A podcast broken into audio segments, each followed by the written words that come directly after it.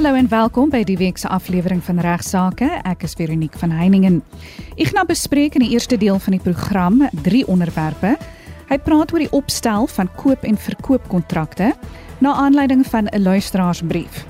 Hy praat ook oor 'n situasie waar 'n eienaar van 'n erf in 'n deeltitel ontwikkeling ontevrede is oor 'n boeteheffing wat hy moet betaal omrede hy nie betyds op die erf gebou het nie.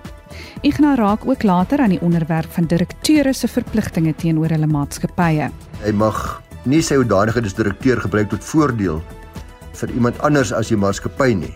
Hy moet dus altyd ter goeie trou en in die beste belang van die maatskappy optree. Dit klink baie logies en voor die hand liggend, maar ongelukkig gebeur dit dikwels nie so nie. In die tweede deel van regsaake praat spesialis gas prokureur Estmarie McCallahan van van Velden Duffy Prokureurs in Rustenburg ook oor verpligtinge, maar dit keer oor munisipaliteite se verpligting teenoor inwoners.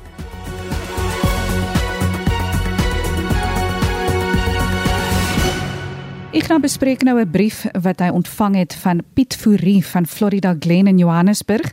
Dit handel oor die opstel van koop- en verkoopkontrakte na aanleiding van sy huis wat hy onlangs aan 'n eiendomsagent gegee het om te verkoop. Baie hartlike goeie môre aan almal. Is my weer soos altyd 'n reuse plesier om met u oor regsaake te gesels. Terloops, uh Viva Afrikaans sê dat reuse plesier is een woord, dit word almekaar gespel want reuse is nie 'n byvoeglike naamwoord dit nie trap op vergelyking nie, maar nou ja, is nie my taak om taallesse te gee nie. Ek is hier om te hoop dat ek die reg vir u bietjie meer toeganklik kan maak. Kry 'n briefie van Piet Fourie dan Glen hy sê baie dankie vir die ingegewende program en sê baie anders sê hy baie dankie aan my en al die medewerkers. Hy sê hy's baie oortuig daarvan dat daar honderde duisende luisteraars oor die jare heen is wat baie beter begrip van die reg verkry het deur na ons te luister. Ag baie dankie daarvoor Piet. Ek waardeer dit regtig opreg want dis die hele doel van hierdie program wat die prokureursorde van Suid-Afrika baie graag wil bereik. Hy sê het onlangs sy huis aan 'n eienaarsagent gegee om te verkoop teen 'n sekere prys. Sy het teruggekom uh, met 'n opsie om te koop teen 'n prys minder as die gevraagde prys. Sy het dit uit van die hand gewys. Hy het toe versoek om 'n teenaanbod te maak. En hy sê was altyd onder die indruk dat die koopkontrak tot stand kom as daar 'n vrywillige wilsooreenstemming tussen partye is. My vraag is dus, was dit nodig om 'n teenaanbod te maak wanneer daar was nie wilsooreenstemming oor die prys nie? Die opsiedokument het bepaling dat geen verandering aan die opsie eensydig aangebring mag word nie. Ja, dis 'n bietjie iets anders. Nie teen staan nie die agent bloot die aangebode prys doodgetrek. Dit vervang met my gevraagde prys. Gevra dat ek daarmee moet parafeer, want sy sê dit sou dan 'n teenaanbod tot stand bring.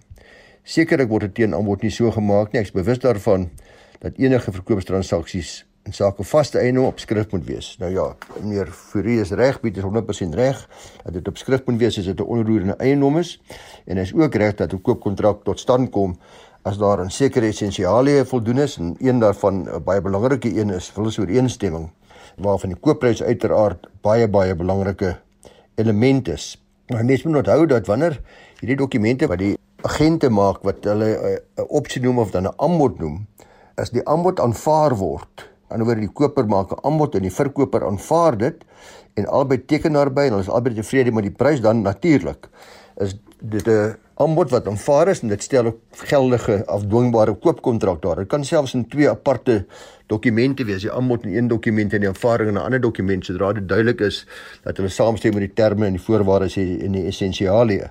Maar as ek bevoel die verkoper is en ek wil sê net maar 2 miljoen rand vir my eiendom hê. Koper stuur nou vir my 'n opsie soos in hierdie geval gebeur het, maar hy het net 2 miljoen rand. Nou bied hy aan om uh, net 1,7 miljoen rand te betaal. Ek is nie daarmee gelukkig nie. My agent sê teken trek daai 1,7 miljoen rand dood en skuif daarby 2 miljoen rand en dit is dan 'n teenaanbod wat gemaak word en hy kan dan besluit of hy of sy dit wil aanvaar want tot dit albei nie daarbey geteken het nie die die koop nuwe teenaanbod geteken het nie is daar natuurlik net nie 'n uh, geldige koopkontrak nie. So ek maak dus weer 'n teenaanbod en as dit nou aanvaar word en hy teken dan nou weer by die nuwe prys wat ek nou gemaak het, sê dit my 1,9 miljoen rand, dan is dit sodat albei partye het geteken en is duidelik dat daar dan wilsooreenstemming is. Maar ek moet dadelik sê, ek is ongelukkig glad nie tevrede met 'n slordige koopkontrak nie en ek is seker dat ek en baie van my kollegas het 'n kleintjie dood aan hierdie slordigheid van sommige, let wel net sommige eiendomsagente wat uh, hierdie standaard dokumente gebruik wat dan doodgetrek word, gewysig word, goed word by die hand ingeskryf en weer oorgeskryf en so gaan dit aan. Dit lyk later regtig erg. En dikwels land hierdie tipe van kontrakte in 'n hof omdat daar nie altyd duidelikheid is oor presies wat bedoel word met hierdie verskillende wysigings nie en of almal geteken het op die regte plekke ensovoorts nie. Eh, dikwels 'n voorbeeld wat voorkom is dat daar nie geparafeer word by sommige van daardie inskrywings nie met daardie wysigings byvoorbeeld gebreek aan die einde of wat ook nogal dit mag wees. So ek wil asseblief by u almal pleit. Maak tog wanneer u 'n vaste eiendom verkoop, dis 'n groot transaksie in ons almal se lewens en dis baie geld by betrokke. Moenie hierdie doodgetrekte en oorgekrapte dokumente teken nie. En as jy dit wil teken, gemaak eers seker by u prokureur dat hy of sy tevrede is met die inhoud daarvan voor jy dit teken moet nie in 'n blik laat druk deur 'n agent wat sê as jy nie binne 5 minute teken nie en dan val die transaksie plat of wat ek nogal dit mag wees nie. Daar's ongelukkig ook maar onder die agente 'n paar appels in die kas wat nie altyd lekker is nie, maar die oorgrootste meerderheid agente is agente wat verstaan presies wat ek sê en wat verseker maak dat u koopkontrak 'n netjiese dokument is, dikwels dan deur die prokureur self ook opgestel. So maak seker dat u ook toesien daartoe dat u as verkoper die transportprokureur aanstel, die persoon wat die oordrag van eiendom gaan doen, want hy of sy kan dan behoorlik u belange beskerm. Ek gaan bespreek nog 'n luisteraarsbrief, die keer wat verband hou met 'n boete wat die luisteraar moet betaal omrede hy nie betyds op die erf wat hy in 'n deeltitelontwikkeling besit gebou het nie. Die luisteraar voel die boete wat gehef is, is totaal buitensporig. Dan luisteraars het ek 'n skryf ontvang van 'n eienaar van 'n erf en 'n deeltitelontwikkeling of residensiële kompleks wat uh, beslis ongelukkig is met 'n uh, boete wat hy noem 'n buitensporige boete, buitensporige straf wat gehef is omdat hy nie binne 'n sekere tyd of dan betyds gebou het op hierdie erf. En uh ek gaan nie sy saak spesifiek bespreek nie. Kom ons noem hom maar Jan maar ek wil tog by hom aanbeveel hy moet dringend sy prokureur in sy eie gebied gaan spreek om hierdie aksie saak te bespreek want ek dink tog op wat hy vir my geskryf het het hy 'n redelike goeie saak. Ek gaan wel die algemene beginsels van toepassing bespreek wanneer daar boetes gehef word op inwoners van deeltitelkomplekse of wat wanneer is 'n straf dan buitensporig en wanneer nie. Wanneer jy 'n erf koop in 'n residensiële kompleks, gee dit jou die vryheid natuurlik om jou eie huis in daardie veilige omgewing te bou veral met die oog op 'n gesonde langtermynbelegging. Maar is baie belangrik om daarop te let dat jy moet bou binne die tydsraamwerk en baie keer ook binne die estetiese raamwerke wat deur die huiseienaarsvereniging vereis word. Byvoorbeeld sekere kleurteel dalk of wat ek nogal of jy moet jou huis bou binne 1 jaar nadat die koopkontrak onderteken is of wat ek nogal die geval mag wees. En as jy dit nie doen nie, dan loop jy die risiko om hierdie erf van die ontwikkelaar te moet terug oor te dra of dan met geweldige hoë boetes beboete word. En in hier so geval van 'n boeteheffing kan jy selfs die hof nader en na versoek om die boete te verminder omdat jy aanvoer dat daardie boete buitensporige straf in spesifieke omstandighede daar stel. Daar was dalk baie goeie redes vir hoekom jy dalk nie aan die vereistes kon voldoen het nie of die vereistes was onbillik of wat ook al. Maar daar's beslis uitsonderinge en mens moet altyd kyk na of hierdie boete billik was of nie. Ons wette gee aan ons algemene beskerming teen buitensporige strawwe. En die wet wat hier van toepassing is, luisteraars, is die wet op konvensionele boetes, wet 15 van 1962 en dan ook die wet strafbedinge.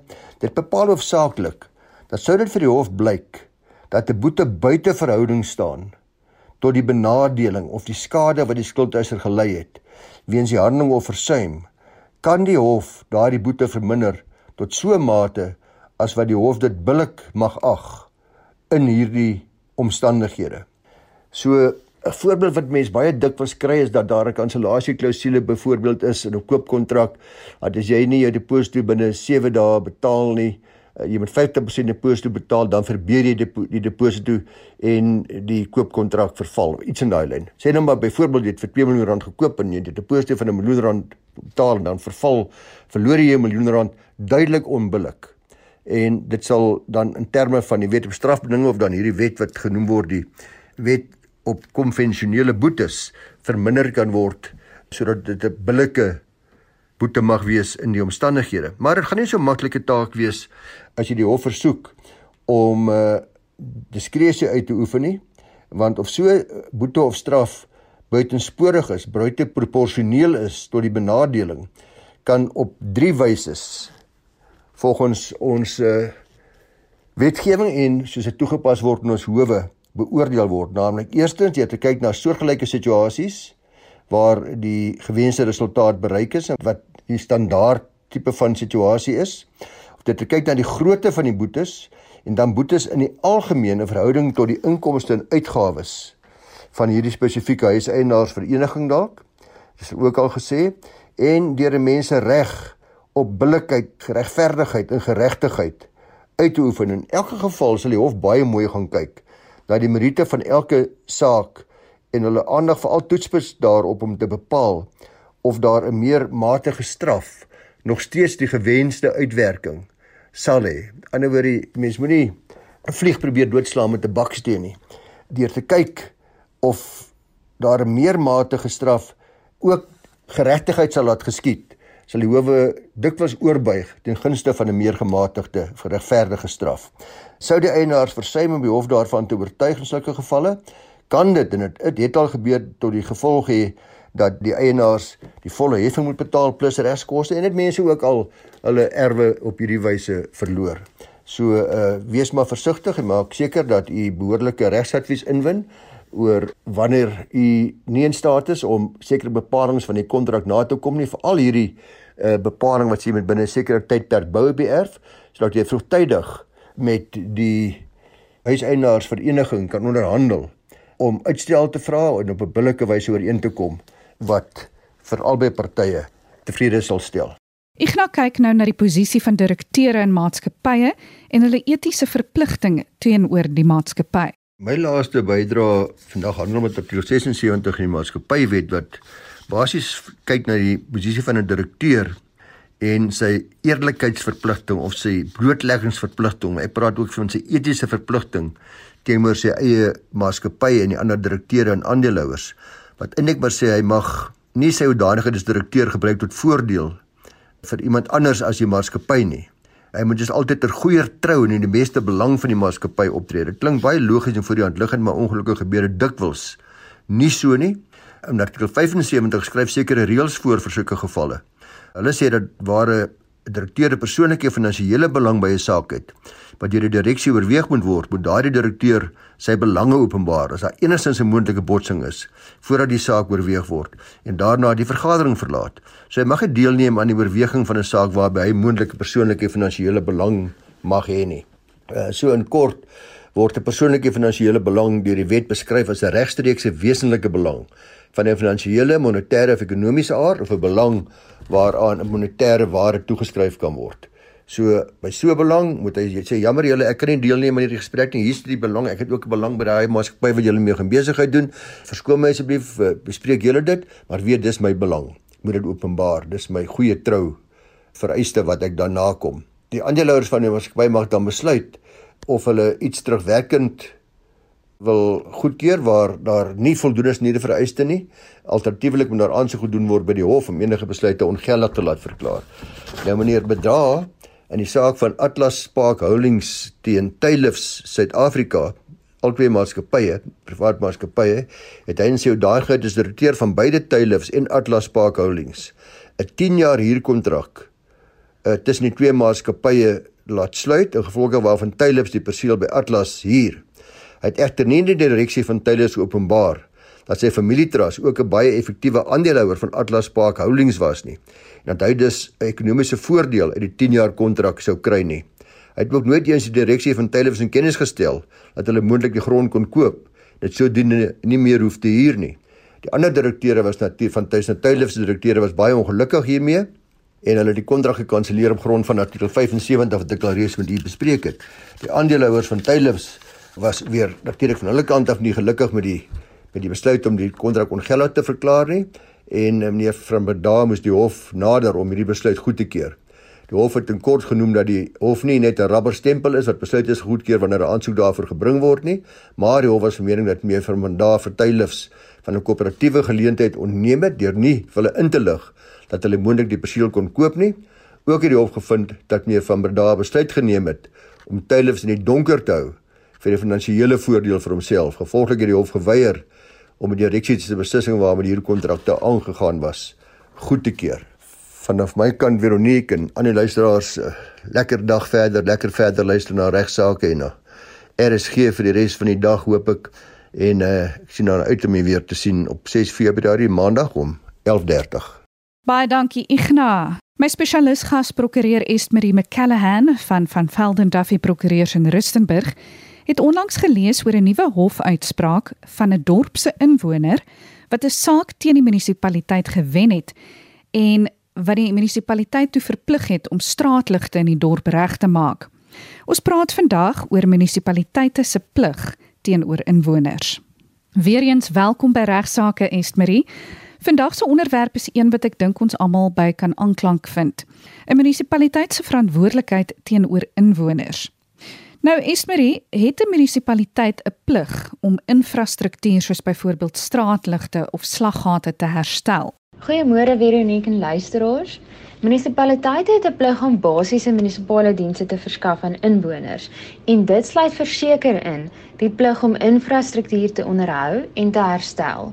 Artikel 73 van die Wet op Plaaslike Regering, Munisipale Stelsels, plaas 'n verpligting op munisipaliteite om te verseker dat lede van die plaaslike gemeenskap toegang het tot basiese munisipale dienste.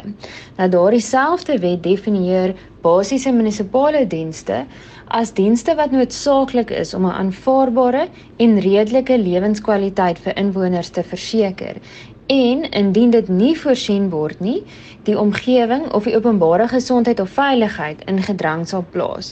So slaggate en straatligte en sulke tipe goed kan verseker ingesluit word by die definisie van basiese munisipale dienste, want as daar 'n slaggat in die pad is wat nie herstel word nie of straatligte wat eenvoudig net vir maande of jare lank af is, dan gaan dit verseker die openbare veiligheid in gedrang plaas.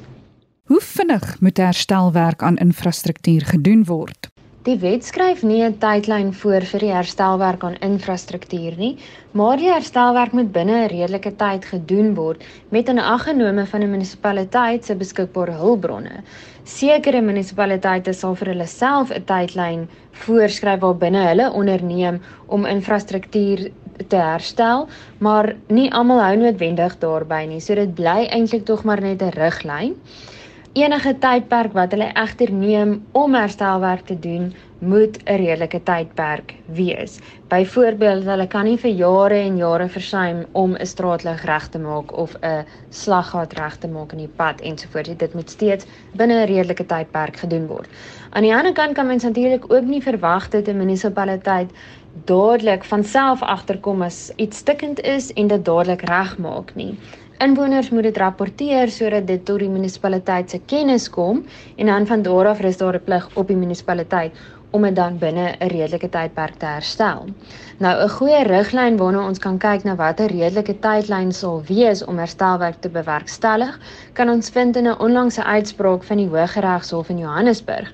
Nou in Desember 2022 het die Johannesburgse Hooggeregshof uitspraak gelewer in 'n saak waar 'n inwoner 'n aansoek teen die munisipaliteit gebring het om hulle te verplig om dadelik straatligte te herstel wat vir 'n baie lang tydperk op daardie stadium al stikkend was. En daardie dorp was al groot dele van die dorp wat glad nie werkende straatligte gehad het nie en toe ten tye wat die aansoek aangehoor is, is daardie straatligte toe nou al vir jare lank stikkend wat dit eenvoudig nie reggemaak word nie.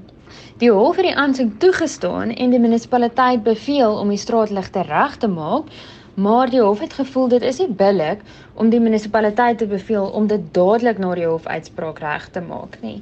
Die hof het eerder die munisipaliteit in hierdie saak 3 maande gegee om die herstelwerk te doen. Nou dis 'n goeie riglyn wat 'n mens kan gebruik, maar mens moet onthou dat die feite van elke saak sal verskil en 3 maande nie noodwendig billik gaan wees in elke liewe saak nie, maar dis 'n goeie riglyn wat ons kan gebruik.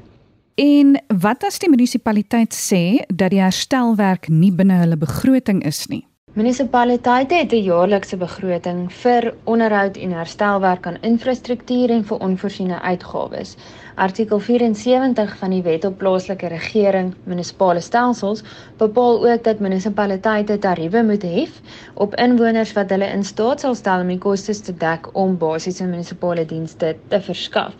So in prinsip moet herstelwerk en onvoorsiene uitgawes deel wees van die begroting, maar ongeag is dit moontlik dat 'n munisipaliteit op enige gegee stadium eenvoudig net nie die fondse het om die herstelwerk te bewerkstellig in die huidige finansiële jaar nie.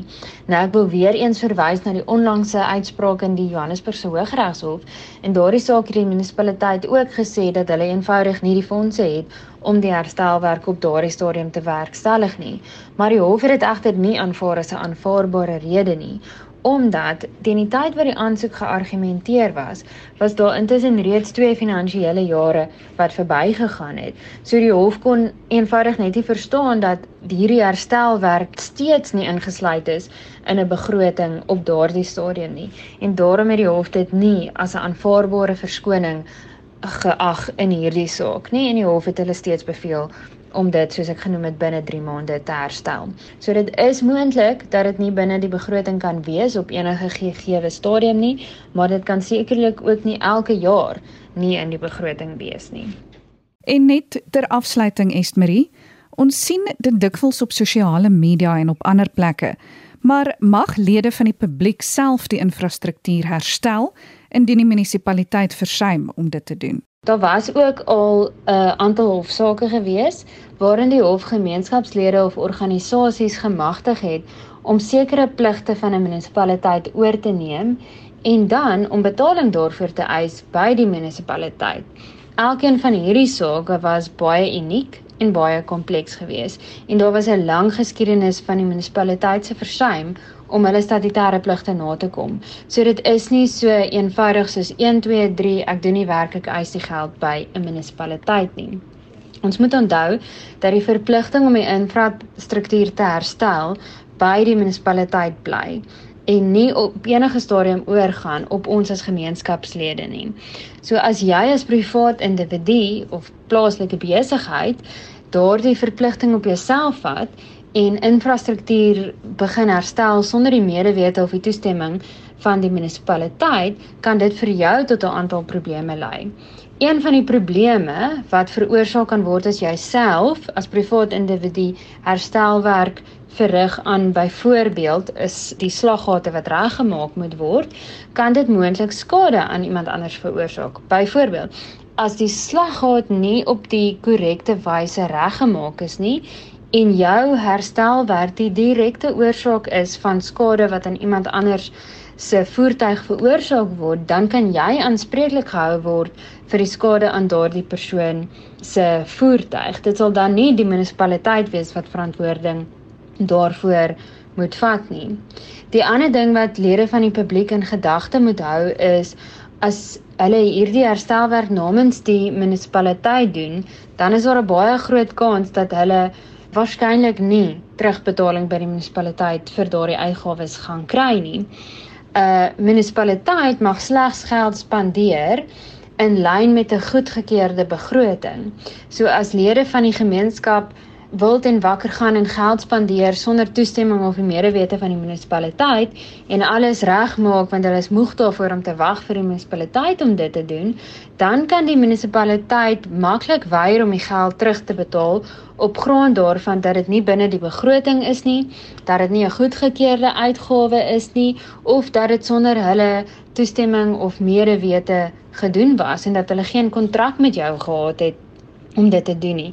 Dit kan natuurlik ook wees dat die munisipaliteit 'n sekere plan het en reeds kontrakteurs aangestel het en reeds 'n gedeelte van die geld vir hulle betaal het om die herstelwerk te doen en dan voordat die kontrakteurs daarby uitkom om die herstelwerk te doen, dan het jy dit klaar gedoen. Die munisipaliteit gaan nie twee keer dan vir dieselfde goed betaal nie. En as die munisipaliteit jou dan nie wil betaal nie, dan is jou enigste ander opsie om hof toe te gaan en regstappe teen die munisipaliteit te neem om jou geld terug te kry. Maar die onus gaan dan op jou wees om die hof te oortuig hoekom die munisipaliteit jou hierdie geld moet terugbetaal en jy gaan moet verduidelik hoekom jy namens die munisipaliteit hierdie herstelwerk gedoen het. En in so 'n geval gaan die hof natuurlik kyk na hoe lank die probleem al daar is, is dit al gerapporteer, het jy opgevolg by die munisipaliteit en al daardie tipe goeders wat ek reeds genoem het. So om self namens die munisipaliteit herstelwerk aan te gaan kan vir jou dalk meer probleme as oplossings veroorsaak en jy gaan dalk nie jou geld daarvoor terugkry nie. Daarom sal ek jou eerder aanraai om dit te rapporteer by die munisipaliteit en dit dan in hulle hande te los om die herstelwerk te doen. En as niks gebeur na 'n lang tydperk nie, sou ek voorstel dat jy eerder die hof aansoek bring om hulle te verplig om die herstelwerk te doen eerder as wat jy dit self gaan doen. Dit is ongelukkig alwaarvoor ons die week tyd het. Ek bedank graag weer vir Ignas vir sy bydrae tot vandag se program en vir Estmarie McCallahan van van Velden Duffy Prokureurs in Rustenburg. Vir enige navrae stuur gerus 'n e-pos na my toe by vero@rsg.co.za en van my Veronique van Heiningen. Groete. Tot volgende week.